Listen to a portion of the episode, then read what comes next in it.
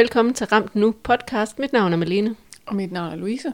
Og i dag gør vi det lidt anderledes. Mm. Vi skal nemlig have en samtale, dig og mig. Og det skal handle om dig, Malene. Ja. Og det skal handle om dit liv som handicappet i et helt livsperspektiv. Fordi det er jo både som baby, det kan du selvfølgelig ikke huske, men som barn og som ung og øh, yngre voksen og voksen og nu også som forældre. Mm. Og øh, i tråd med vores formål for den her podcast med at være så ærlig som overhovedet muligt og tale om tingene i livet, som de er, svisken på disken, så kan jeg lige så godt sige, at det er jo fordi jeg i mange sammenhænge, ud at vi får positiv og dejlig feedback for vores podcast, og det er vi glade for, Mm. er blevet spurgt rigtig mange gange, hvad er det lige med hende Malene der? Ja. Har hun godt nok ingen arm? Nej, siger jeg så, det har hun ikke. Så nu tror jeg simpelthen, at nu skal vi snakke om den elefant, der er i Mm. rummet, og få det væk, også fordi du har nogle super gode øh, perspektiver på det hele. Øhm, og jeg tænker netop, det der kan være brugbart, det er, at du får mange, mange perspektiver. Mm. Personligt, men jo faktisk også fagligt, men særligt personligt, jo kan bidrage med rigtig meget, og nogle super gode vinkler ind i, hvordan, hvordan det er. Mm. Og jeg ved det jo godt. Jeg ved jo godt, at, at, at folk de tit øh, er meget nysgerrige på mig, ja. Og hvad jeg kan, og hvad jeg ikke kan. Så, så det er jo helt naturligt. Så selvom jeg egentlig har været sådan lidt, jeg har lige skulle tænke over, hvad jeg synes om at lave den her Mhm. podcast, så synes jeg, det er jo helt vildt relevant, og, øh, og det gør vi, fordi det, øh, det tror jeg, der kan komme noget rigtig godt ud af. Ja. Så lad os bare øh, gå i gang. Ja. ja. Hvad er det første, du kan huske Det første, jeg kan huske, om det at være handicappet? Ja, det første jeg kan huske, det er, at, øh, at jeg faktisk, da jeg var helt lille, var ret sikker på, at alle mennesker var født uden, uden arm. Mm. Øhm, og jeg kan huske, at min bror, han er tre år yngre end mig, så jeg har måske været omkring fire på det her tidspunkt. Der spørger min, der er min far ved at skifte ble på min bror, og så spørger jeg ham, kan du ikke give mig nogle babypuder på skuldrene, for så gror min arm hurtigere ud. Og så siger han, nej, Melene, det gør de faktisk ikke. Du, du kommer aldrig til at få arme. Du er født uden arme, og du får aldrig arme. Mm. Og jeg kan, jeg kan huske, at jeg bliver sådan lidt forskrækket, og måske også lidt ked af det, fordi det, det var ligesom der, det gik op for mig, at wow, så er jeg bare ikke ligesom alle andre. Jeg kan ikke sådan, altså jeg kan huske, at jeg satte mig på trappen øh, ude i vores entré, og jeg sad der i noget tid, og så kan jeg ikke huske, hvad der skete derefter, mm. men det er sådan det første, jeg kan huske. Og jeg Ja. ved også, at mine forældre ofte har fortalt, at da jeg var helt lille, der sagde jeg sådan tit, I er rigtige mennesker. Mm. Øhm, og jeg ved ikke om helt, hvad den handlede om, men Nej. det har nok været det der med, at, at jeg ikke har nogen arme, og så har de alle sammen, min søster er noget ældre end mig, så de har alle sammen været ældre end mig, så jeg har ikke sådan følt, at jeg var helt rigtig Nej. endnu. Nej. Jeg ved ikke, om jeg sådan som decideret har følt mig forkert, fordi det husker jeg ikke. Men der har været et eller andet i hvert fald, som... Men en bevidsthed om, at, jeg der, var anderledes. at der var noget anderledes. Og så Ja. skal vi måske lige for god ordens skyld også sige, at øh, vi jo har jo den alder, både dig og mig, mm. så det der med scanninger, når man er gravid, med, det fik din mor ikke, så derfor så var der ikke nogen, der vidste det, da du blev født. Nej, nej, det var der ikke. Øhm, og jeg er født lidt, sådan, øh, lidt specielt, fordi at jeg er vendt forkert i min mors mave. Men jeg er den, en af de første årgange, hvor, hvor fædrene de var med, fordi inden der har det jo kun været moren. Mm. Men min far var med, eller skulle have været med, men, men min mor blev kørt ind på operationsstuen, fordi at, øhm, at jeg vendte forkert, og det var ikke så godt. Men i det, de kommer der ind, og min far må ikke komme med, fordi på det tidspunkt blev kvinderne jo lagt i, i fuld narkose. Mm. Men min mor når ikke at blive lagt i narkose, for så kommer jeg sådan ret hurtigt ud, øhm, og viser sig jo så, at jeg ikke har nogen arme. Så jeg ved, at min mor får mig, altså hun, hun får mig meget hurtigt op, og så tager de mig væk og siger, at hun har ikke nogen arme, og så kører de mig direkte på præmaturafdelingen. Mm. Øhm, hvor de så egentlig ikke rigtig vil udlevere mig fra, fordi at de, min mor ikke reagerer, som de synes, hun skal reagere, fordi hun ikke øh, begynder at græde eller er hysterisk. Ja, eller, det er meget interessant ja. og meget skræmmende egentlig. Ja. Øhm, så på et tidspunkt midt i alt det her, så kører min far hjem og fortæller det til den nærmeste familie, fordi han synes alligevel ikke sådan lidt, det skal tages over telefonen. Mm. Øhm, og det er også sådan lidt sjovt. Øh, han kører først hjem til hans forældre, ved jeg, der bliver min søster passet. Og min farmor reagerer meget kraftigt og bliver meget ked af det. Og det Mm. tænker jeg jo helt naturligt, øh, at hun gør, fordi det er jo et kæmpe chok. Kæmpe chok, ja. Øh, min søster er fem på det tidspunkt, og hun reagerer ikke, fordi hun tænker bare, wow, jeg har fået en lille søster, mm. Hvor er det fedt. Mm. Men min farmor synes, det er upassende, at hun ikke reagerer, så hun napper hende faktisk. fordi hun også skal græde. Hun skal græde okay. sammen med hele vi familien. er ude i de fastlåste reaktioner, man skal Ja, reagere. lige ja. præcis. Ja. Øh, og det er min søster, der har fortalt mig det her Ja. med, at, og hun, synes, hun kunne slet ikke forstå det. Hun Nej. synes, det var så mærkeligt, Ja, fordi det er hun det. jo egentlig bare var glad over at Ja. få en søster. Ja. Så kører min far tilbage øh, op på hospitalet til min mor, og, og så siger hun øh, til min far, at enten så får du dem til at hente Malene, eller så skal du gå ind og hente hende. Og så får hun mig så endelig lov til at få mig tilbage igen. Okay.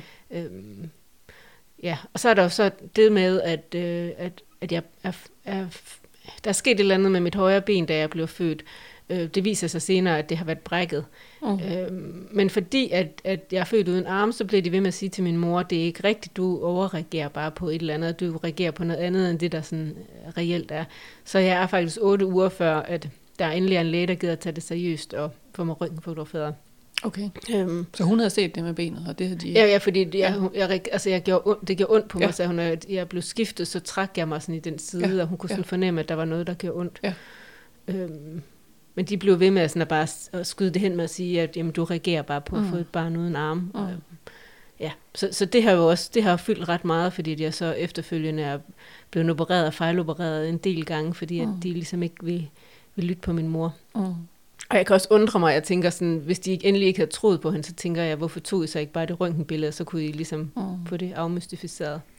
Og det er der, de taler lige ind i mange forældre, som jeg jo taler med, med enten meget for tidligt fødte børn, eller meget syge børn, handicappede børn og alt det, som du ved, hvor det er, at man har de der fornemmelser som mm, forældre, mm. simpelthen så tidligt. Ja. Øhm, og jeg kan ikke forklare det, jeg kan bare øh, konstatere det, at det sker gang på gang. Mm. Man har en fornemmelse af, at der er noget her, der er galt. Mm. Ja. Altså det har jeg jo også haft med min egen søn, Lige men præcis. det er en helt anden ja, historie, men det har ja. jeg jo altså meget tydeligt. Ja. Ja. ja, så det tænker jeg, det er næsten sådan helt en morinstinktet, ikke? Ja. eller forældreinstinktet. Ja. ja, helt bestemt. Ja.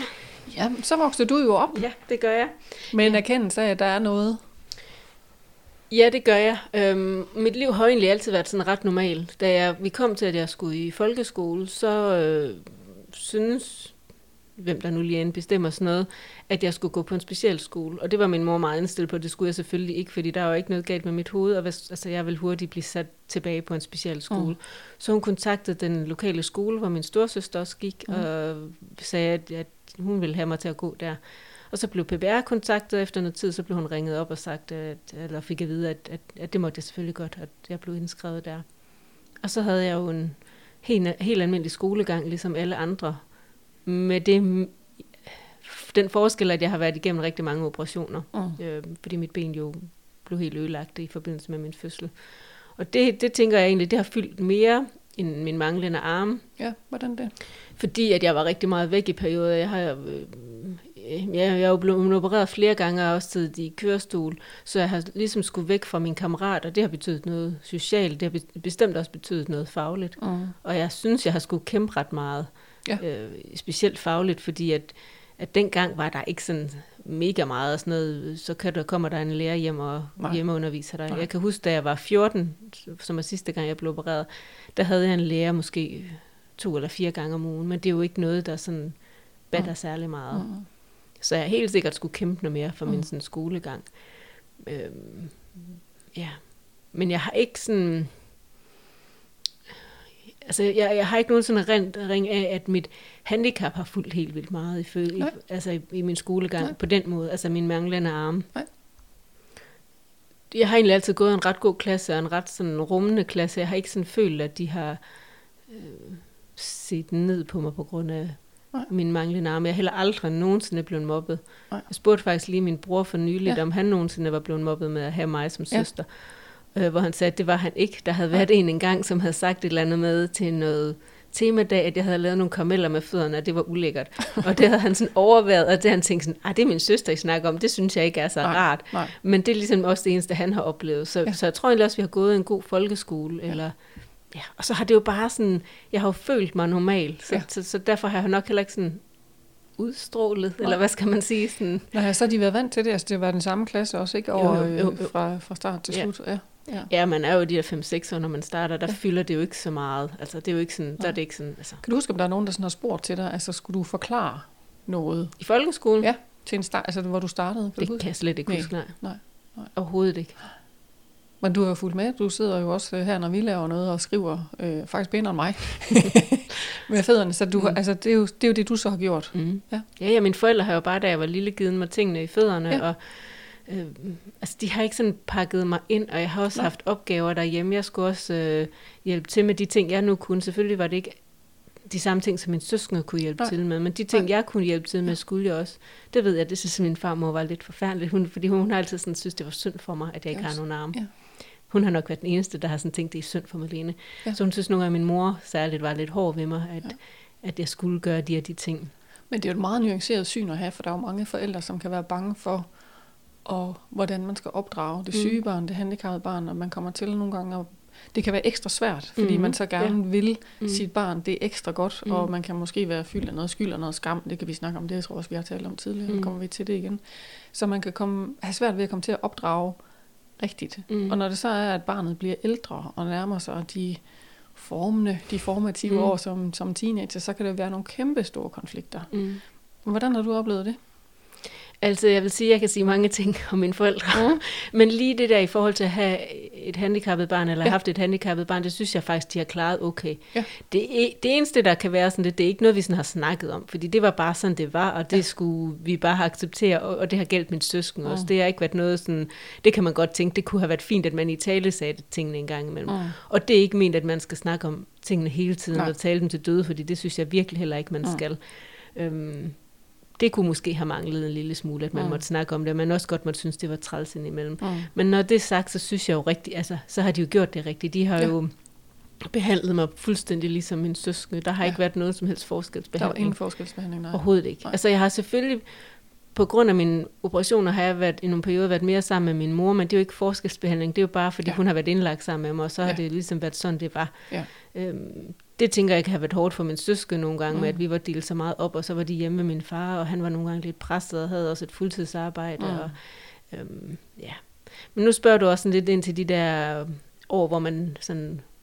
Bliver øh, selvstændig. Ja, Ja. og, altså, og der var det svært i forhold Ja. til, at jeg var så afhængig af min mor. Ja. Øh, hold op, hvor havde vi mange konflikter, og Ja. jeg synes, hun var pisse irriterende og Ja. pisse uretfærdig, og hun skulle bestemme nogle gange, øh, hvor ofte jeg skulle i bad, fordi hun var sådan lidt, "Ah, du behøver ikke gå i bad hele tiden, og det var fordi, hun måske ikke lige gad at hjælpe mig Mm. hele tiden. Og et eller andet sted er det også fair, at hun bliver træt af at have en så stor pige, hun skal blive ved med at hjælpe, for det, det Mm. også, har også været hårdt for hende, Ja. men det var med mig også hårdt for mig. Ja. Så, så de år, det var virkelig... Øh, Og det bliver også en anden relation. Ja, Kan det du gør det. genkende Ja, ja. ja, helt sikkert. Ja. Ja. Øhm, altså, ja. Altså, de, de, det var ikke sådan... Ja, man har selvfølgelig altid konflikter med sine forældre. Det tænker jeg, de fleste har, når man er teenager. Mm. Men, men mine, de var bare sådan... Det var meget med min mor, fordi det var meget hende, der hjalp mig. Ja. Og det var virkelig sådan... Ej, hvor var jeg vred på hende. Og det Ja. var meget det der med, at jeg synes hun var uretfærdig, at hun skulle sådan... Øhm, blande sig i, hvor meget jeg Ja. skulle og gøre dit og dat. Ja. Så gjorde jeg faktisk, da jeg blev 18, der tog jeg selv ned på kommunen og sagde, at jeg vil have hjælper. Ja, det har du ikke haft før. Nej, nej, aldrig. Aldrig, Mine forældre har ja. altid hjulpet mig med Ja, alting. ja. Øhm, der har ikke været aflæsning, der har ikke været noget som helst. Nej. Vi har heller ikke haft synderlige hjælpemidler eller Nej. noget som helst. Nej.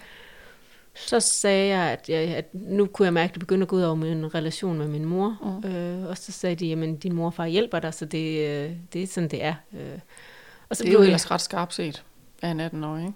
Jo, jo, det er det. Det er altså, det jeg tænker faktisk. også, jeg, har, jeg, jeg må lige klappe mig selv på skulderen, Ja. ja. da jeg har været ret toffelig i hele den her Ja. ja. periode. Øhm, også fordi, at hun jo egentlig sådan startede med at sige, "Men det kan du ikke få. Nej. Og jeg blev mega rasende, og så sagde jeg, "Men det skal jeg, det, jeg, kan ikke, jeg kan ikke holde det her ud mere, Mm. det går ud over min relation til min mor, og det duer Mm. bare slet ikke, og så må jeg, så må jeg finde et sted, jeg kan bo udenfor. Mm. Altså, jeg, det, det, det kan jeg ikke. Mm. Og så gik der noget tid, og så ringede hun til mig og sagde, at hun kunne mærke, at det gik ud over mit psykiske velbefindende. Det Ja. havde jeg meget svært ved, hun sagde. Altså, Ja. hun har jo haft ret i det, Ja. men, men, men sådan, det har jo været sådan noget øh, slut 90'erne, der bliver man lidt forskrækket over, sådan at, uha da.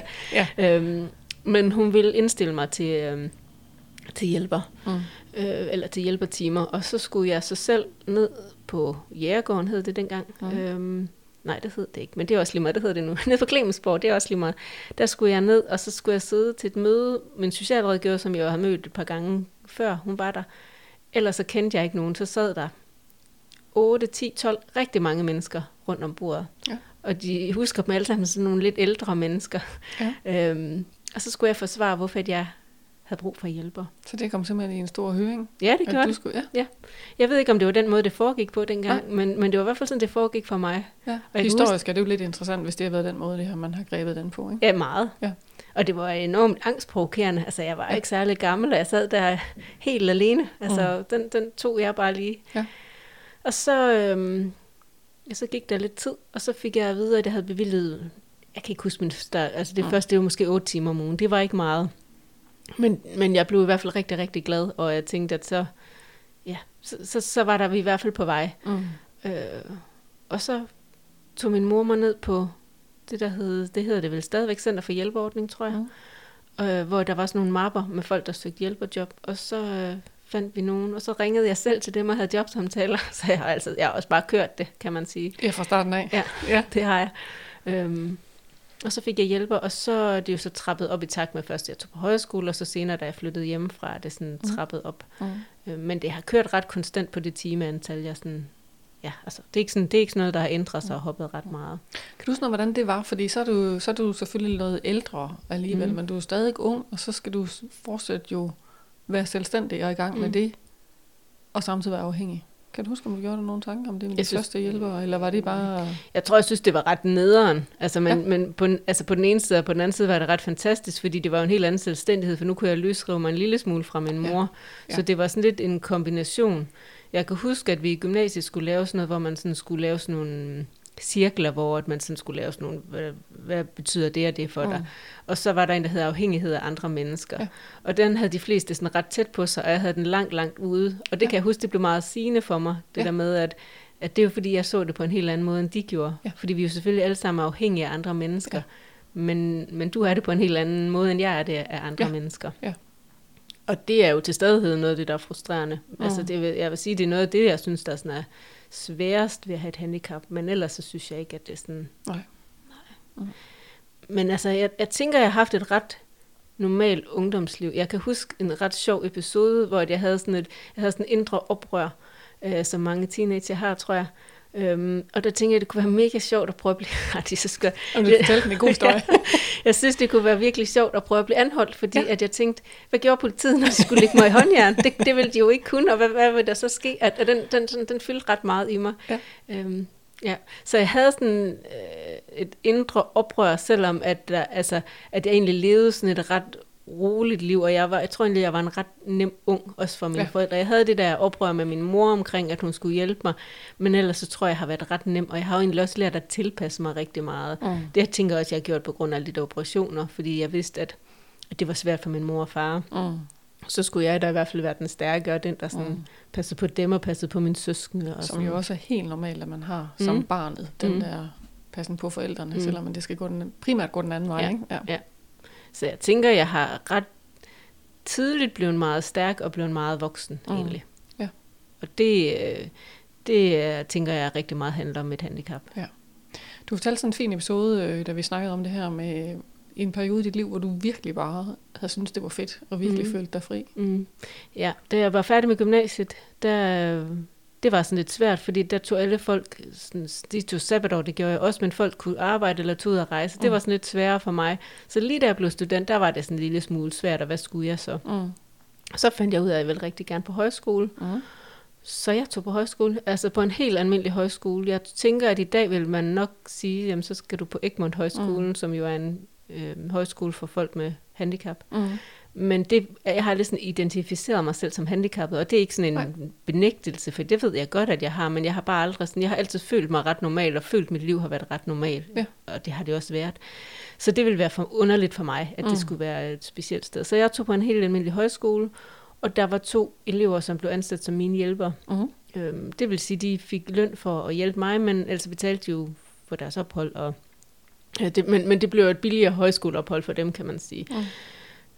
Og lige der, de måneder, jeg var der, jeg tror, jeg var der et halvt år, der, altså det var, det ændrede så meget for mig. Altså det, jeg, blev, jeg var fuldstændig fri, jeg havde et fuldstændig normalt ungdomsliv, da de andre elever lige har set mig an den første uge og set, at jeg egentlig bare var som dem. Jeg manglede bare min arm. Så Ja. ja. var jeg jo Malene ligesom alle de andre. Mm. Øhm, og jeg behøvede ikke at lave vagtplaner, jeg behøvede ikke at sådan skemalægge mit liv, som man ellers skal gøre rigtig meget, når man Nej. har hjælper. For det var bare to, der var på skolen, og så kunne jeg altid sige, hey, gider du lige hjælpe mig, gider du lige hjælpe mig? Mm. Og det var jo også, altså det kan lyde sådan lidt, som om de hele tiden var på arbejde, men det var de jo ikke. Altså, Mm. fordi de- de havde, jo, altså, de havde jo de timer, de skulle have, og så var de ellers fri til, men det var jo sådan lige, ja, nu skal jeg lige på toilettet, nu skal jeg Mm. lige bade, eller sådan, så det var jo sådan ret stille og roligt. Mm.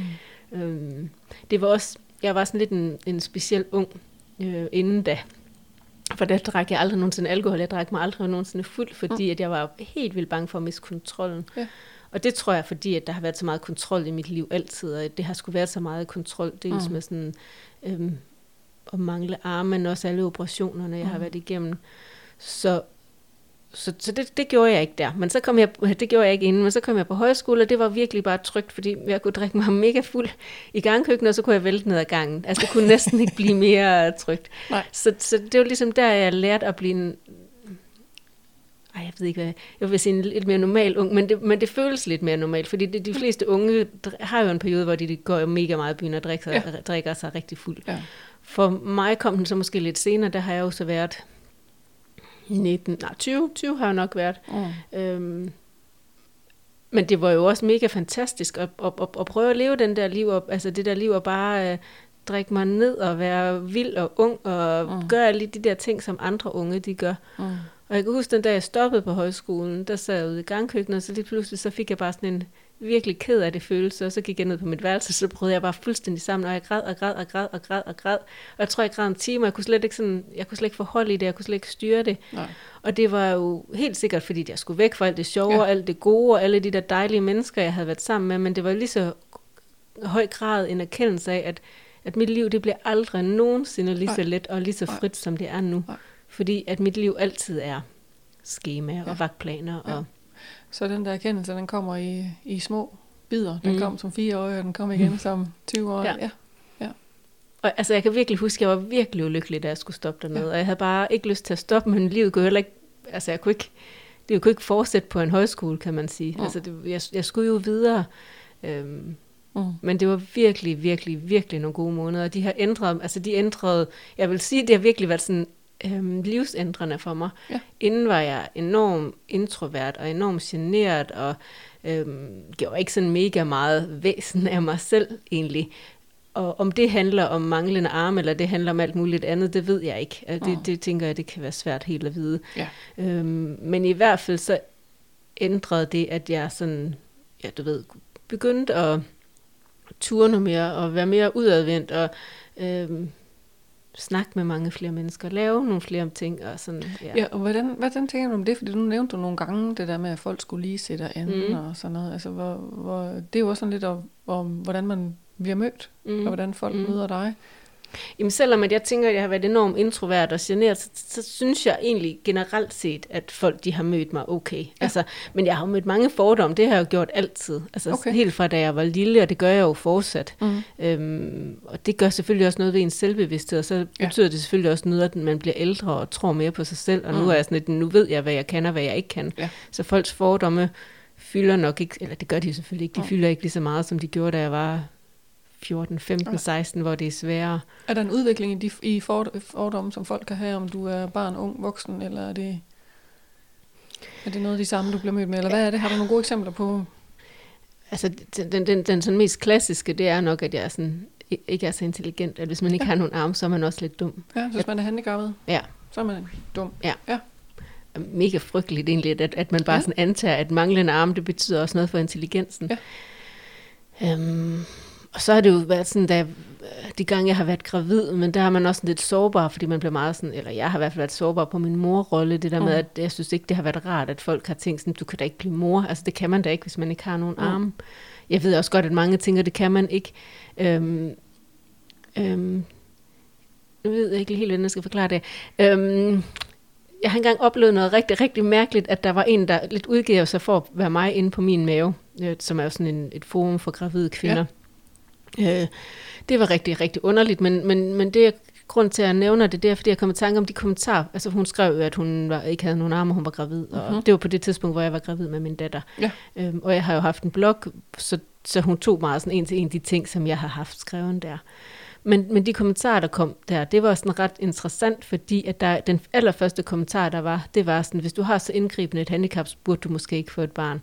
Hvor jeg sådan tænkte, wow, det her, det er alligevel vildt, at du sådan tænker det, men jeg ved jo godt med min fornuft, at det er fordi folk tænker, hvis jeg ikke havde min, altså hvis de mistede deres arme, så ville Mm. de ikke kunne øh, gøre de ting med et barn, som man, Mm. der vil være smart, at man kan. Men jeg kan jo de fleste ting med mine fødder. Og det er noget af humlen, ikke? Altså, det, du, har jo ikke, du har jo ikke prøvet andet. Nej. Hvis jeg mistede mine arme, mm. Mm-hmm. altså, jeg ville jo ikke vide, hvad jeg skulle gøre Nej. overhovedet, Nej, fordi nej. jeg ikke, var ikke vant til det. Du er jo vant til det. Ja, og så er det hele smidigheden. Ja. Ja. Altså, fordi baby er jo smidig, og børn er smidige. Jeg Ja. har jo bare bevaret min smidighed. Ja. Ja. Men, men, men hvis du, ja, hvis dine arme, Jamen, de, det ville gå helt det vil være, og det ved det for de fleste. Ja. Ja. Og det er det, folk sådan tænker, Jamen, ja, det, vil, altså det er det med, at jeg kan ikke noget med mine fødder, så selvfølgelig kan hun ikke noget Nej, med sine fødder. Det er det med at tage sit eget perspektiv, i stedet for at Ja. forestille sig, hvordan det ville være. Hvad Ja. det er. ja. Men det var interessant at læse den her tråd, fordi der var jo de der, der ligesom hende skrev sådan, jamen så skal du ikke have nogen arme, det kan du ikke. Men der var også nogen, der sådan, øhm, skrev sådan, ej hvor lyder det fantastisk, og hvor er du bare, øh, hvor lyder det spændende, og bla bla bla og sådan noget. Så, så det er jo ikke alle, der har de der fordomme, men, men og det er også et eller andet sted okay at have fordomme, det har jeg jo også selv. Man skal bare ikke sådan lade dem fylde for meget. Så må man få dem afklaret, hvis det er Ja. på et eller andet måde, hvis man kan det i hvert fald. Ja. Mm. Men jeg, den med, at jeg er in- uintelligent, det er nok den, at jeg møder oftest. Ja. Jeg har engang haft en hjælper, der troede, min arm voksede ud. det er også, hun troede nemlig også, at jeg var uintelligent. Hun troede også, at min arme de ville vokse ud. Det var også ret øhm, ja. vildt. Jeg tror, jeg, jeg, har, jeg ved ikke, om der er andre, der nogensinde har troet det. Er jo Nej. måske børn, men øh, ja. Så Øhm. magisk forestilling om, at så kommer de nok igen. ja, det, Ja. var, det var ret specielt. Ja. Men du har jo taget en uddannelse, Malene. Ja, ja, altså, du ja. er jo på ingen måde, øh, som man vil sige på godt jysk, tabt bag en vogn overhovedet. Og du har taget en uddannelse. Mm. Hvordan var det at gøre det? Øhm, jeg tror ikke, det var noget, der sådan forventes. Jeg kan huske, Nej. da jeg gik på gymnasiet, der øh, var min studievejleder meget sådan, nej, var det bare flot, du overhovedet går på gymnasiet. Og jeg tror, jeg sådan tænkte, ja, nemlig mega meget. Og jeg var bare sådan, what? Hvor, hvorfor det? Altså, Ja. hvad, hvad, skulle jeg ellers? Skulle jeg Ja. bare blive færdig med folkeskolen, ja. og så sætte mig hjem og sidde der? Øh, jeg kan huske, at jeg var mega overrasket over, hun sagde det. Ja. Øhm, men jeg ved også godt, at jeg tror ikke, at der er så mange, der har sådan tænkt eller forventet, at jeg skulle tage Nej. uddannelse. Nej. For faktisk, da jeg blev 18, i forbindelse med, at jeg havde kontakt med, med forvaltning, socialforvaltningen omkring hjælpere, der blev jeg også tilbudt en førtidspension, fordi så var jeg ligesom placeret der. Det tænker jeg ikke, man vil gøre i dag, men, men det var Og ligesom... det håber jeg da ikke. Nej, det håber jeg heller Nej. ikke. Øhm, men det er jo igen fordom og uvidenhed, Ja. at man tænker, hun kan ikke noget, hun kan ikke bidrage med noget. Mm. Og der blev jeg også bare sådan, nej, det skal jeg ikke have. Mm. Altså, det, det, jeg har altid undret mig over de der folk, der bare. Ja. har sådan tænkt, at jeg skulle sætte mig bare og gå i stå, ja. fordi det har ikke sådan ligget til mig, men det er heller ikke den opdragelse, jeg har Nej, fået. nej.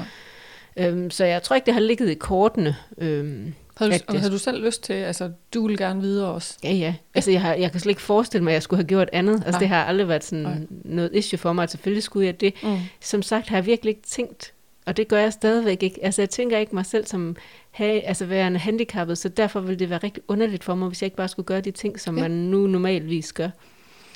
Øhm, jeg har selvfølgelig skulle have lidt flere overvejelser omkring, hvilken uddannelse jeg Mm. vil tage, fordi at jeg ville ligesom ikke kunne blive politimand, eller Nej. Nej. ja, der var mange ting, jeg ikke kunne blive. Ja. Men da jeg fandt ud af, at jeg skulle være socialrådgiver, så var der egentlig sådan, det var egentlig også det, der føltes rigtigt for mig. Altså, og, og sådan har jeg det stadigvæk, at jeg er socialrådgiver i mit hjerte, fordi det er bare sådan den rigtige uddannelse for Ja. mig. Jeg øhm, søgte ind på uddannelsen velvidende, at jeg havde et virkelig dårligt gennemsnit for gymnasiet, fordi at jeg egentlig ikke rigtig gad. Øhm, Det var, jeg- der, det var der oprøret kom.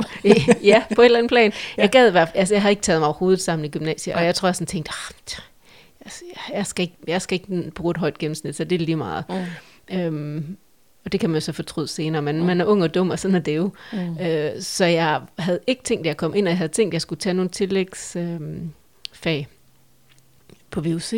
Men jeg kom ind, og det tænker jeg helt sikkert, at jeg gjorde på noget øh, positiv forskelsbehandling. Mm. Der kan man så sige, at der har den været positiv Ja, for mig. ja. Øhm, fordi jeg skrev jo også en, jeg tror det hed en levnedsbeskrivelse. Gjorde det Ja. det måske dengang? Jo. I hvert fald, hvis man ikke kom ind på kvote, Ja, for kvote 2 skulle, Ja. man, skal man, skulle man ja. I gamle dage i hvert fald lave et Ja. eller andet, ikke? Ja. og det gjorde jeg. Sådan jeg. Og jeg var nede på sådan noget, sådan et sted, jeg ikke kan huske, hvad hed, men det var sådan, et, hvor man kunne få hjælp til at skrive den. Og de uh-huh. sagde, kør på, altså kør på alle violiner, spil på dit handicap, alt det du, sådan, du kan. og så tænkte jeg, at det gør jeg sgu. Og det er ikke noget, jeg normalvis har gjort, i, Nej. og det gør jeg stadigvæk Nej. ikke, men, men jeg gjorde det der. Øhm, så spilte virkelig på alle violinerne omkring, at jeg ikke har nogen arme. Og så kom jeg ind. Øh, ja, altså, jeg tænker, at det var, altså det var jo bare en normal øh, uddannelse for mig. Mhm. Jeg, jeg var ret, ret heldig, tror jeg. Jeg kendte en eller årsag ret mange på min studie. Det gjorde det lettere, fordi mm. at jeg også skulle have hjælp til nogle ting indimellem Mm. og sådan noget. Øhm, da vi så kom til fjerde semester, jeg skulle på i praktik, så kom problematikken. Jeg havde sagt til hende, der fordeler praktikpladser, at jeg synes lige, hun skulle overveje, hvor hun placerede mig. Mm. Fordi der kunne godt være nogle steder, der ville tænke, at det var problematisk. Ja. Og hun var meget sådan, nej, nej, nej, Malene, det er ikke det er socialrådgiver, det er det slet ikke. Så en dag, jeg var på vej i, sk- i skole, øh, jeg kørte bus, så ringede hun og sagde, øh, Malene, vil du lige være sød at komme op på mit kontor, når du kommer i skole? Og jeg var sådan, ja, det vil jeg da. Mm. Og så kommer jeg op, og så siger de, hun, at øh, det sted, der har jeg har fået tildelt, de vil desværre ikke have mig i praktik, fordi jeg ikke har nogen arme. Okay, Og så er der sådan- bliver de steder afvist på dit handicap. Ja. Øh, jeg kan slet ikke forstå, at skolen egentlig har tilladt det, altså, men det er en anden sag. Mm. Øh, og de har, de har jo gjort det uden overhovedet at have mødt mig. Altså, men Ja. deres begrundelse var, at jeg fyldte for meget. Jeg ved faktisk ikke, hvad de tænker, jeg fylder, fordi jeg ikke har nogen arm. Altså, jeg er jo faktisk mindre end du de fleste. Så, så, så det, var, det var ret mærkeligt egentlig, at, øhm, at de Så det, det vil tage opmærksomheden fra en sag eller noget, hvis det var. Jeg havde faktisk, det kan det egentlig godt være, men jeg havde egentlig tænkt, at jeg fyldte fysisk for meget. Men jeg Ja. ved det faktisk Nej. Ikke, når jeg sådan Nej. tænker tilbage. Så var der en der, fra min klasse, der var så sød, som han ville godt bytte sin praktiksted med mig. De ville så heller ikke have mig. Og så var vi hele sådan en, hvad gør vi så? Og så Ja. prøvede hun at kontakte en masse steder, og det lykkedes bare ikke. Mm. Og så var det vi egentlig ude, at jeg skulle tage overlov. Jeg var egentlig ret sur, for jeg synes ikke, at det var okay. Men det var jo sådan, det måtte være. Øhm, Jeg tror egentlig, jeg prøvede at forholde mig ret roligt i det, fordi hende der praktikdamen, hun var ret panisk. Og så, Mm. så blev, har, jeg- har jeg nok den der med, så må jeg være den, der sådan er rolig, og den, der sådan ja. siger, at det går nok. Selvom jeg kan huske, at jeg var ret rasende Mm. mm. Så fik jeg i sidste øjeblik lov til selv at finde en praktikplads, og det lykkedes mig så. Ja. Og der havde jeg en øh, helt fantastisk praktik, og jeg havde en praktikvejleder, som jeg ikke tænker på noget som helst tidspunkt har tænkt over, at jeg ikke har nogen arme. Nej. Selvfølgelig har han da set det, og han har anerkendt det, og, og vi har da måske snakket om det den første gang, det kan jeg ikke huske, det har Mm. vi ganske givet. Mm. Men, Men han var ikke i issueet der. Nej, overhovedet ikke. Og han lod mig lave alle de... Altså, jeg tænker faktisk, at han har været en rigtig god vejleder, fordi Ja. ja. jeg fik min egen lille sagsstamme med Mm. en 5-7 sager, og, sådan, Mm. og så har han jo så været på sidelinjen. Så helt normalt forløb, Fuldstændig som normal dine praktik. medstuderende vil have. Ja. Øhm, og så... Ja, så, og så, jamen, jeg gik faktisk på international linje de første to år af mit studie, og besluttede mig så for at skifte over, fordi jeg havde tænkt, at jeg ville gerne på international, fordi det ville være en god mulighed for, for mig at komme ud og rejse på Ja. ja. med en hjælper. Men jeg kunne godt mærke, at uddannelsens øhm, kvaliteten af uddannelsen fyldte mere, da vi sådan kom dertil, Ja. og at jeg egentlig havde været i praktik. Og på det tidspunkt, der var al internationale linjer ikke sådan jeg synes ikke, det var helt lige så fagligt godt som almen. Så jeg hoppede over på almen, og der har jeg så skulle kæmpe lidt igen fagligt, fordi jeg sådan ligesom skulle følge med dem og komme op på gear med dem. Mm. Så blev jeg uddannet, øhm, og folk omkring mig begyndte at få arbejde. Øh, og det gjorde jeg ikke, Ja. øh, fordi at folk jo ig- igen havde nogle fordomme om, hvad kan jeg, hvad kan jeg ikke. Så når du søgte, Jamen, så hørte jeg ikke noget som så helst. hørte-. Jeg hørte ingenting. Nej. Så på et tidspunkt, så fandt jeg ud af, at man kunne søge, man kunne lægge sådan, vedlægge sådan en attest, hvor mm. de, de skulle kalde mig til en samtale, fordi jeg har et handicap, fordi man jo så nok godt ved, at det er sværere Mm. overhovedet at blive kaldt til en samtale. Og det var jeg sådan meget, havde jeg overhovedet lyst til det, fordi så bruger jeg igen øh, aktivt mit handicap. Ja. Og det har jeg aldrig sådan rigtig haft lyst til. Nej, du er ikke den, der spiller handicapkortet. Nej, det har jeg ikke. Men jeg gad jo heller ikke blive med at søge øh, job, som jeg aldrig Det tror jeg ikke, der er ret mange, der gør. Altså, det tror jeg virkelig ikke, man gør. Det var faktisk måske lidt en fordom der. Ja. Ja, nej, det tror jeg faktisk heller ikke. Men, men, men, men jeg, jeg endte så med at sende den der test med, og så blev jeg så kaldt til nogle jobsamtaler.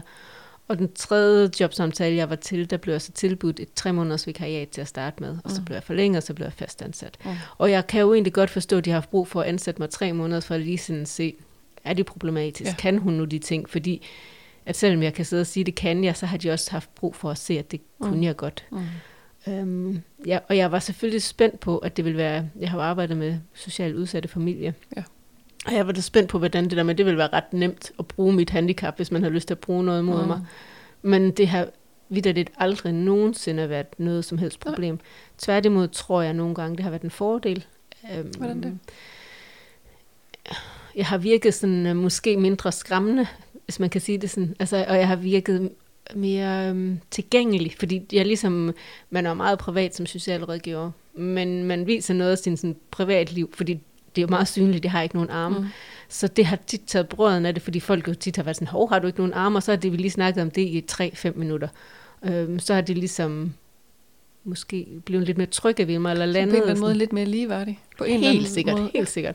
Og jeg har egentlig oplevet mine klienter som værende meget øhm, øhm, empatisk over for mig, og meget sådan ordentlige, og egentlig også sådan nogle af de der, jeg har haft øh, kriminelle unge også, og nogle af de der store hardcore drenge, har egentlig Mm. også oplevet som været meget sådan, øhm, pas på mig, altså sådan, ja. du ved, øh, været meget sådan, øhm, jeg skulle op på et opholdssted med en ung på et tidspunkt, og der kørte vi i en bil, som, hvor et forsæde, hvor jeg sad på passagersædet, det virkede ikke. Mm. Så hele vejen op til Nordjylland, der sad han og holdt det der sæde, fordi han kunne slet ikke rumme, at det skulle sidde sådan og rasle med mig.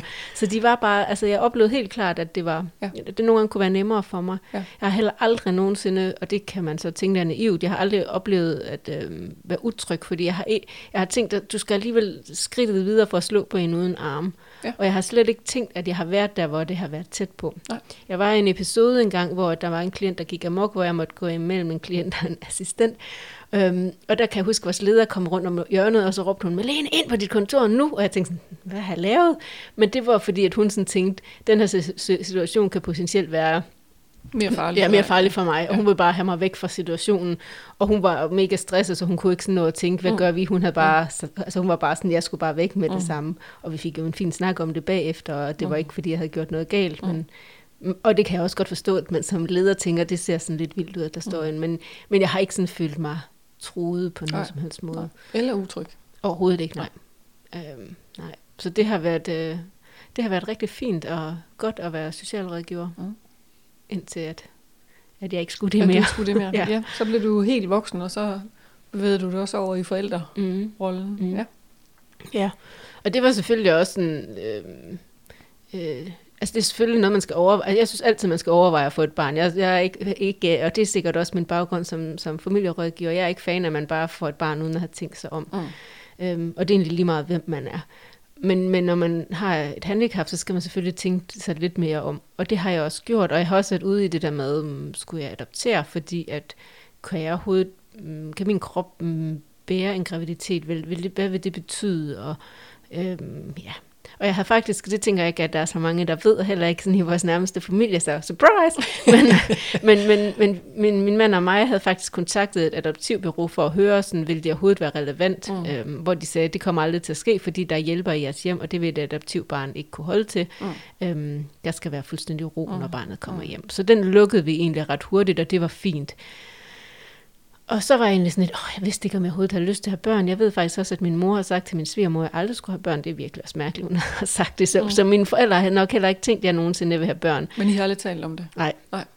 Nej, jeg kommer altså ikke af en frygtelig talende familie.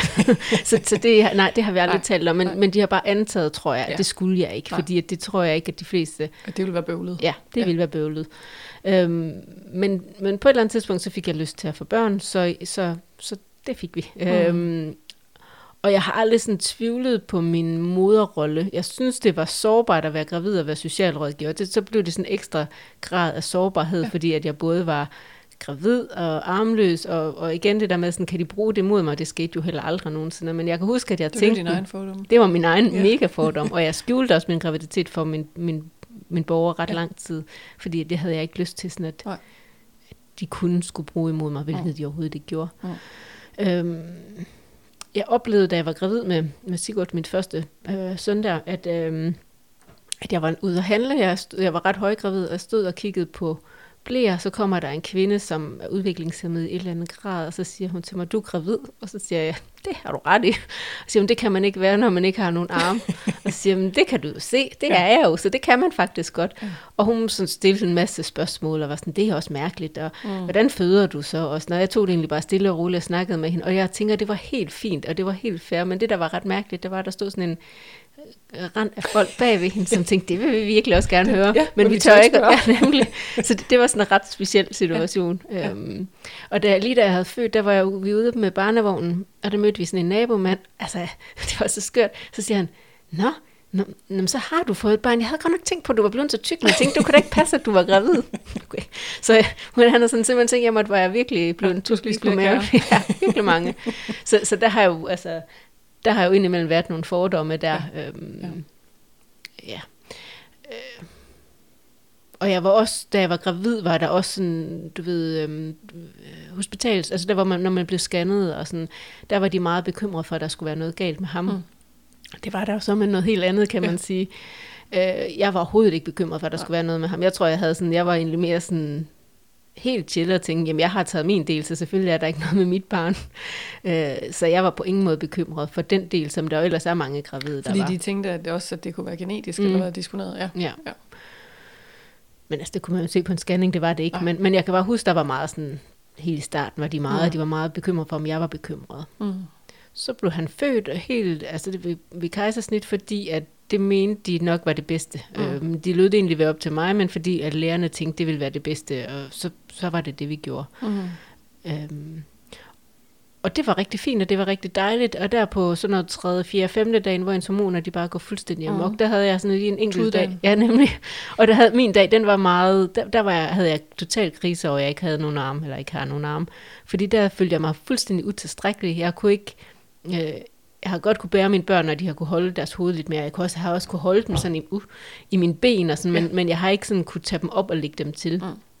Så der følte jeg mig fuldstændig utilstrækkelig. Jeg synes egentlig bare, at det kunne være lige meget, og jeg havde ikke nogen rolle, og jeg kunne lige så godt, altså det ville være lige meget, om jeg gik. Mm. Øhm, og det ved jeg jo godt, det ikke var. Mm. Altså, fordi det var alt muligt andet, der betyder Ja. noget. Men jeg havde lige sådan en dø- et døgn, hvor jeg var sådan, jeg synes virkelig ikke, det var sjovt. Jeg Så kunne heller det ikke gå var- tur med barnevognen. Og, altså, Så sådan den tredje erkendelse. Ja. Virkelig. I, Ja. i dit livsperspektiv, Ja. ikke? Sådan, hvor det er, at Ja. det bliver konfronterende. lige indtil at jeg fandt ud af, at jamen, så kan jeg så meget andet. Altså, Præcis. jeg kan give ham mælk. Altså, jeg ammede jo. Jeg lå jo bare ned og ammede. Og, Ja. og, og nærvær og omsorg og kærlighed. Og, altså, Mm. det har jo ikke... Altså, det, det, er ikke, det, er ikke, det sidder jo ikke i armene. Nej. Og begge mine børn har jo egentlig bare, når jeg har gået med dem, så har de holdt fast i mine ærmer. Mm. Det er ikke noget, jeg har bedt dem om. Jeg tror bare, det falder meget naturligt for børn sådan at Ja. ja. tage fat Ja. I ærmer. Ja. ja. Ja. Så, Hvordan er Ja. det så, fordi så er det jo, at øh, din søn er handicappet. mm. Og hvordan er, er der noget, når man selv er det også, og så får et hand, altså det er jo dobbelt handicap Mm. lige pludselig, så er jeg ramt af. altså jeg tror da, jeg tænkte, hold nu op. Det Ja. er mega uretfærdigt. Og det Ja. synes jeg simpelthen ikke, det kunne lige så godt være min søskende, og ikke fordi jeg ønsker det for min søskende. Men jeg kan godt tænke, at jeg har, Du har havde sgu taget, min del, og jeg synes ikke, det var fair. Øh, men når, mm, ja, så, så er der selvfølgelig noget i for, at det kan have været, der kan være en fordel i, at jeg, øh, jeg også har været opereret meget, været en del på sygehuset, og jeg selv lever med et handicap, så den der verden kender jeg til. Det tænker jeg har gjort nogle Ja, ting. den er ikke skræmmende for dig. Nej, den er, nej, det er den ikke.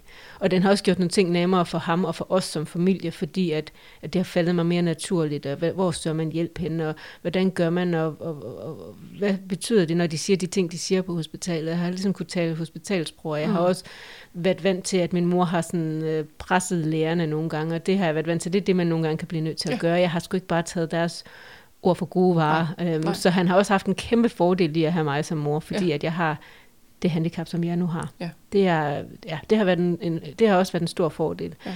Men der er også noget i forhold til, at vores handicap gør, at jeg, øhm, jeg har aldrig kunne gå en tur med ham. Nej. Bare ham og mig. Nej. Og det kan jeg jo med min datter, fordi hun er rask. Ja. Og det, øh, Så det er hans handicap i virkeligheden, der gør det. Jamen, det er jo begge to, for, begge Ja. dele, fordi hvis jeg ikke havde et handicap, kunne jeg jo godt. Men man kan jo godt gå en Ja. tur med ham alene. Så sådan, vores handicaps til sammen gør, at der er nogle ting, jeg ikke kan med ham, Ja. som jeg kan med min datter.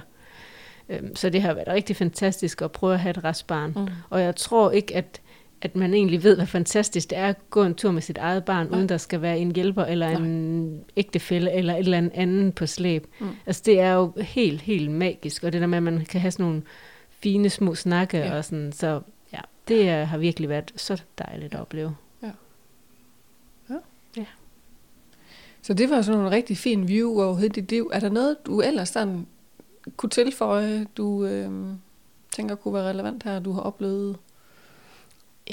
Altså jeg har oplevet mange ting, og det er lige med at huske det hele. Ja. Men jeg, kan, jeg har for eksempel, da jeg var færdig øh, ja, efter højskolen, må det have været, hvor jeg stadigvæk havde sabbatår, Mm. Der fik jeg først arbejde, jeg har arbejdet i to forskellige børnehaver.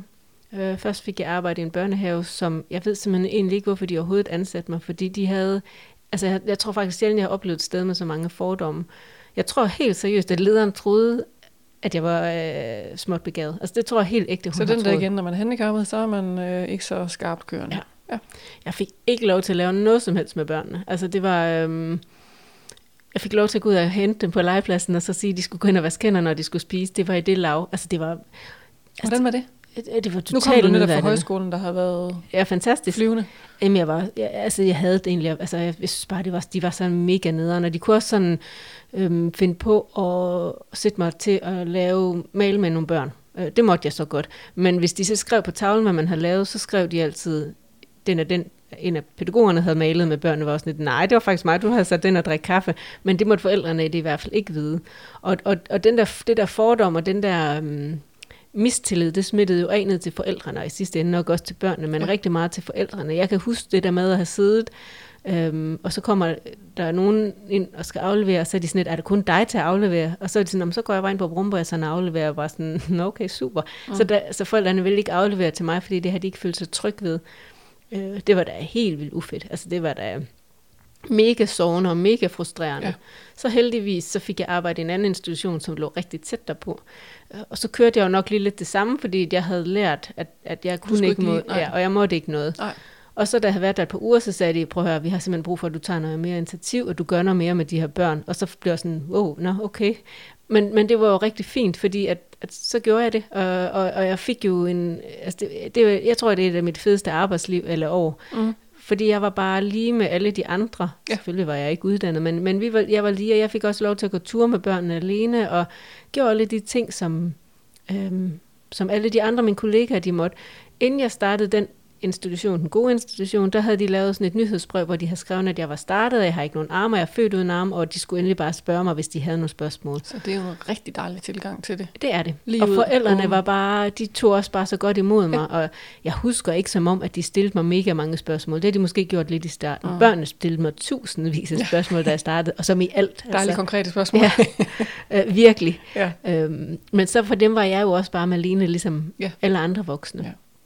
Og jeg er så glad for at have fået det arbejdsår med, fordi det gjorde rigtig meget sådan, øh, ved min arbejdsmæssige selvtillid, at, mm. at jeg var en, et sted, som virkelig anerkendte mig for det, jeg kunne. Og de var egentlig, altså jeg kan huske, min udtalelse derfra var bare rigtig, rigtig god, så de kunne se de kvaliteter, jeg har. Og selvfølgelig er der nogle ting, jeg ikke kunne i den institution. Jeg kan ikke, kunne ikke være den, der gik ind og lukkede institutionen og farede mm. hele gulvet og sætte stolen op, men så kunne jeg noget andet. Mm. Og det kan man jo i de fleste henseender godt sådan altså arbejde sig ud af, eller fordele ja. sig ud af. Ja. Så altså, ja, det har jeg virkelig været glad for. Og er der andet? Hmm. Ja, altså det, jeg har jo oplevet mange ting. Jeg kan stadigvæk, der kan, min mand han er i København den to, tre gange om, ah, nok to gange, to weekender om året cirka. Den første tur. Ja, lige præcis den første tur. Øhm, og så er jeg alene med begge børn, og det er der jo mange, der tænker, det er hårdt, og det er det også, for det vil det være for alle, med mm. eller uden arme. Men der kan stadigvæk være nogen, der sådan, det, altså det kan du da ikke, så skal der være nogen at sove ved dig, fordi hvad hvis, at, at, at Sigurd han får anfald, eller hvad hvis det er et eller andet, bare sådan, nej, altså, der kommer hjælper ind imellem, som hjælper mig, men de fleste timer kan jeg altså godt være alene med mine børn, og jeg havde heller aldrig valgt at få børn, hvis jeg ikke tænkte, jeg kunne det. Nej. Fordi jeg, altså, der kan du ske så meget. Jeg kan, min, min mand kan gå fra mig, jeg kan gå fra ham, eller han kan dø, eller altså, mm. gud forbyde det, men, men det kan jo ske. Altså, så, så man bliver nødt til at tage det der scenarie, at man også kan klare sit, sin børn eller sit barn alene med. Mm. Øh, jeg ved godt, det vil være mere vanskeligt for mig, men jeg har altså sådan fuld tro på, at det vil jeg nok skulle klare. Og det har du gjort mange weekender. Ja, ja det har jeg. Altså, og, altså, vi kan jo ikke være sammen hele tiden. Altså det vil jo også være at binde min mand fuldstændig på en urimelig måde, hvis han altid skulle være der, fordi at, at jeg nu har det handicap, jeg har. Altså det vil det han da også blive helt sindssygt, tænker jeg. Så det leder mig faktisk lidt til at spørge så, sådan med fordomme og hvordan man bliver mødt og sådan noget. Har du nogen øh, ønsker sådan for, ja, verden lyder så voldsomt, netværk, samfund? Altså hvad er det, hvad er det vi øh, nu her i 2021 mangler eller kunne blive bedre til? Jeg tænker jo bare generelt, at vi skal blive bedre til at snakke sammen, og lade være med at være så bange og berøringsangst. Det betyder ikke, at man sådan bare skal uplyse, spørge om alting, men hvis det falder naturligt, så synes jeg, man skal gøre det. Mm. Øhm, men nu kommer altså det, ja, jeg kunne ønske, at man bliver bedre til at snakke sammen, når man tør at spørge nogle flere ting, om nogle flere ting. Øhm, jeg synes, det er mega øh, befriende, når folk de bare spørger mig om de ting. Fordi mm. altså, hvordan, hvordan, skal, altså, hvordan skal man vide det? Man tænker ud fra sin egen kontekst ja. og sit eget liv. Så det er så fint, at folk de spørger mig. Ja. Selvfølgelig skal det være naturligt. Jeg har også oplevet, at folk kommer løbende efter mig for at stille mig spørgsmål, og så bliver det mærkeligt. Altså, ja. det, det, det må folk godt lade være med. Men hvis man sådan møder mig naturligt... Ja, så skal man stå i kø sammen med dig nede i Rema. Ja, ja. og det lige er naturligt. Så, altså spørg om et eller andet. Altså, mm. ja. Mm. Og hvis jeg ikke lige kan eller gider svare, så skal jeg nok sige det, men i de fleste gange vil jeg jo gerne, fordi jeg jo godt vil være med til sådan at nedbryde de fordomme, der er. Jeg oplever jo også nogle gange, når jeg er ude at handle, øhm, at folk, de, selvom jeg siger, at jeg skal have det og det, at folk henvender sig til min hjælper, det er sindssygt provokerende. Ja. Det, altså, er du så kigge på mig? Det er mig, der skal have et eller andet. Jeg har også... Øhm, Jeg har ikke sagt den oplevelse, som vi snakkede om, vel? Nej, fortæl det. Ja. Øhm, jeg var i Sallings børneafdeling en dag, en dag, da min datter har været halvanden to, så hun har i hvert fald ikke været så stor. Så skulle jeg købe en cardigan til hende, stod i kø, kom op til kassen. Så kigger ekspedienten på mig sådan, oh, sådan lidt sådan, som om det er lidt synd for mig, siger sådan, du ved godt, den her cardigan, den er til børn, ikke også? Og jeg var, øh, jo, den er til min datter. Men hun har jo tænkt, hun har tro, hun skal have den her selv. Hun er, ja. det, hun er, hun er lidt dum, hun ja. forstår det ikke helt. Og da jeg sådan siger, den er til min datter, så bliver hun sådan helt sådan, huh, altså sådan, du ved, chokeret og ved ikke helt, hvad hun skal sige. Og hun begynder også lidt at henvende sig til min hjælper og sådan, øhm, ja. Men generelt det der med at lade være med at, øh, hvis altså, der er en handicappet, der snakker til en, så lad dem at snakke til hjælperen. Altså lad, lad, lad så det, det med antagelser, det er roden til alle verdens fuck-ups. Mm. I virkeligheden mm. tror jeg, der er nogen, en anden, de tror jeg, citat, jeg har et eller andet sted fra. Jeg kan ikke huske, hvor jeg har det fra. Men lige præcis, man kommer til at antage, som du selv siger, mm. tænker ud fra ens egen kontekst. Ja. Og det gør alle folk. Det gør jeg da også. Den falder man jo i, den ja. fælde, men måske ja. skal det det, man kan øve og være lidt mere opmærksom på, ja. når det er. Ja. ja. Ja. Så jeg vil egentlig bare, ved du hvad, øh, tak fordi du har været så ærlig. Selv tak. Ja. Og fortalt, og jeg synes det er fantastisk, at øh, du gør det, og øh, det håber jeg virkelig, der er nogen, der tager til efterretning på den ene eller på den anden måde. Mm. Ja, og jeg tænker, at der kunne være alle mulige andre ting, jeg kunne have fortalt, og sjove historier, anekdoter og ting, jeg har oplevet, men det er så svært at huske det hele. Jeg får sådan lyst til at fortælle nogle flere ting, fordi jeg tænker, at det er så vigtigt, og nu er vi i gang, og jeg vil helt vildt gerne oplyse, og, men øhm, jeg tror også, at vi er ved at være der. Vi er ved at være der. Ja, det tror jeg. Jeg har lige en enkelt øh, episode, igen med forskel, eller, hvad hedder det, positiv forskelsbehandling. Ja. For dengang jeg var ung og gik virkelig meget i byen, så kunne jeg næsten altid komme foran i køen på diskotekerne, fordi at jeg, dengang der var jeg altid meget fuld, og så var jeg sådan lidt ligeglad med tingene. Jeg synes bare, at øhm, jo højere og jo vildere, og, så jeg gik næsten altid forrest i køen, og så sagde jeg, jeg har ikke nogen arme, jeg kan simpelthen ikke, jeg kan ikke holde til at stå i kø, må jeg ikke godt komme ind? Og så fik jeg lov til at komme ind, og det var også helt sindssygt igen. Og det, og det er jo bare fordommer, fordi folk måske bliver en lille smule bange, fordi de tænker, Jamen, vi skal da ikke tænke, Men det er også at gøre det. Altså, nogle gange så er ting jo simpelthen så både groteske og så øh, alvorlige, at hvis man ikke kan lave lidt sjov med det, så bliver det jo også træls. Ja, ja. Altså virkelig? Så bliver det... Og, så, og, og, folk var så dumme, jeg opdagede, at, det, altså, at den virkede, så hvorfor, hvorfor skulle jeg ikke gøre det? det var da, hvis det var pisse koldt, og det regner, så gad vi da ikke stå i kø, men så kunne vi da bare komme foran. Så jeg tænker, det, altså, det har, jeg har jo også haft rigtig mange sjove oplevelser med at ikke have nogen arm. Ja. Ja, hvor du selv har lavet sjov med det, og det tænker jeg, det er jo det, der er befriende, man nogle mm. gange kan komme derhen til. Det ved jeg godt, det er ikke alle, og det er heller ikke måske et krav, at man skal Nej. kunne det overhovedet. Men, øh, men det siger også noget om den tilgang at have til det, at hvis man er lidt selvironisk. For mig tror jeg, det er rigtig vigtigt at sige det der med at prøve, altså, jeg, jeg, jeg har også et sygt barn, og det er øh, mega hårdt indimellem, og ja. livet er mega hårdt, og det kan det også være ikke at have nogen arme, men man, jeg tror bare, man kommer længere, hvis man prøver med alt det, man har, at se på det, der er positivt. Ja og se Men på de uden, sjove du ved, du ved, du ved, jeg er jo ikke fan af alt det der, vi putter glimmer på det. Nej, nej, nej, nej, det er slet ikke på mere, den måde. Men mere den lette tilgang til det, eller nogle gange så er tingene bare som de er. Mm. Og hvis man kan tage det lidt let, mm. eller lade det sjov med det, ikke? Altså jeg bruger jo et begreb, når jeg underviser meget i, hvordan man kommunikerer. Der er jo nogle gange ting, der bliver så alvorlige, så tunge, så grimme, så helt vildt forfærdelige, mm. at man faktisk er nødt til at lave sjov med det, mm. og humor er en god strategi. Mm. Jeg plejer at kalde det tumor-humor. Mm. Altså, at, fordi det er så absurd nogle gange. Mm. Men når du kan stå der, jeg gider ikke stå her. Ja. Så jeg bruger lige, at jeg ikke har nogen arme, så kommer jeg foran i køen. Ja. Altså, god tilgang. Jeg tror også, jeg har... Ej, jo, jeg har, nej, det er faktisk ikke. det, nu blev det alligevel lidt for skørt. Men det, altså jo, hvad var det, jeg vil sige? Jeg, jeg tænker, måske man også sådan kan øve sig i at... Øhm, og det er lettere sagt end gjort, men sådan øh, putte det lidt i kasser. Lige nu synes jeg, det hele er nederen, og så dyrker vi bare det nederen, og synes, det er træls og hårdt og trist og sørgeligt og træls. Men så luk den lidt igen, fordi det er bare for hårdt at være i alt det der hele ikke, tiden. Men man kan jo heller ikke lige præcis, man kan jo heller ikke være desværre mm-hmm. hele tiden. Mm-hmm. Og så tænker jeg selvfølgelig også, at der er også en stor øh, differentiering imellem, hvad for nogle handicaps ja, ja, ja, vi taler. Ja. Og jeg tænker, der er ikke så mange som mig, også fordi de fleste vil nok øh, vælge mig fra, hvis det var nu. Altså, det, ja, det vil de det jo. tror jeg, du har ret i. Og, og det har jeg det Bare helt... Bare men det vil være, ikke? Men ja. Jamen, det, sådan, det har jeg egentlig ret ro med, at det vil de fleste. Ja. Øhm, ikke fordi jeg har ikke ønsket, at jeg skulle være valgt fra. Jeg er rigtig glad for det liv, jeg har fået. Ja. Øhm, men det er jo sådan, det er.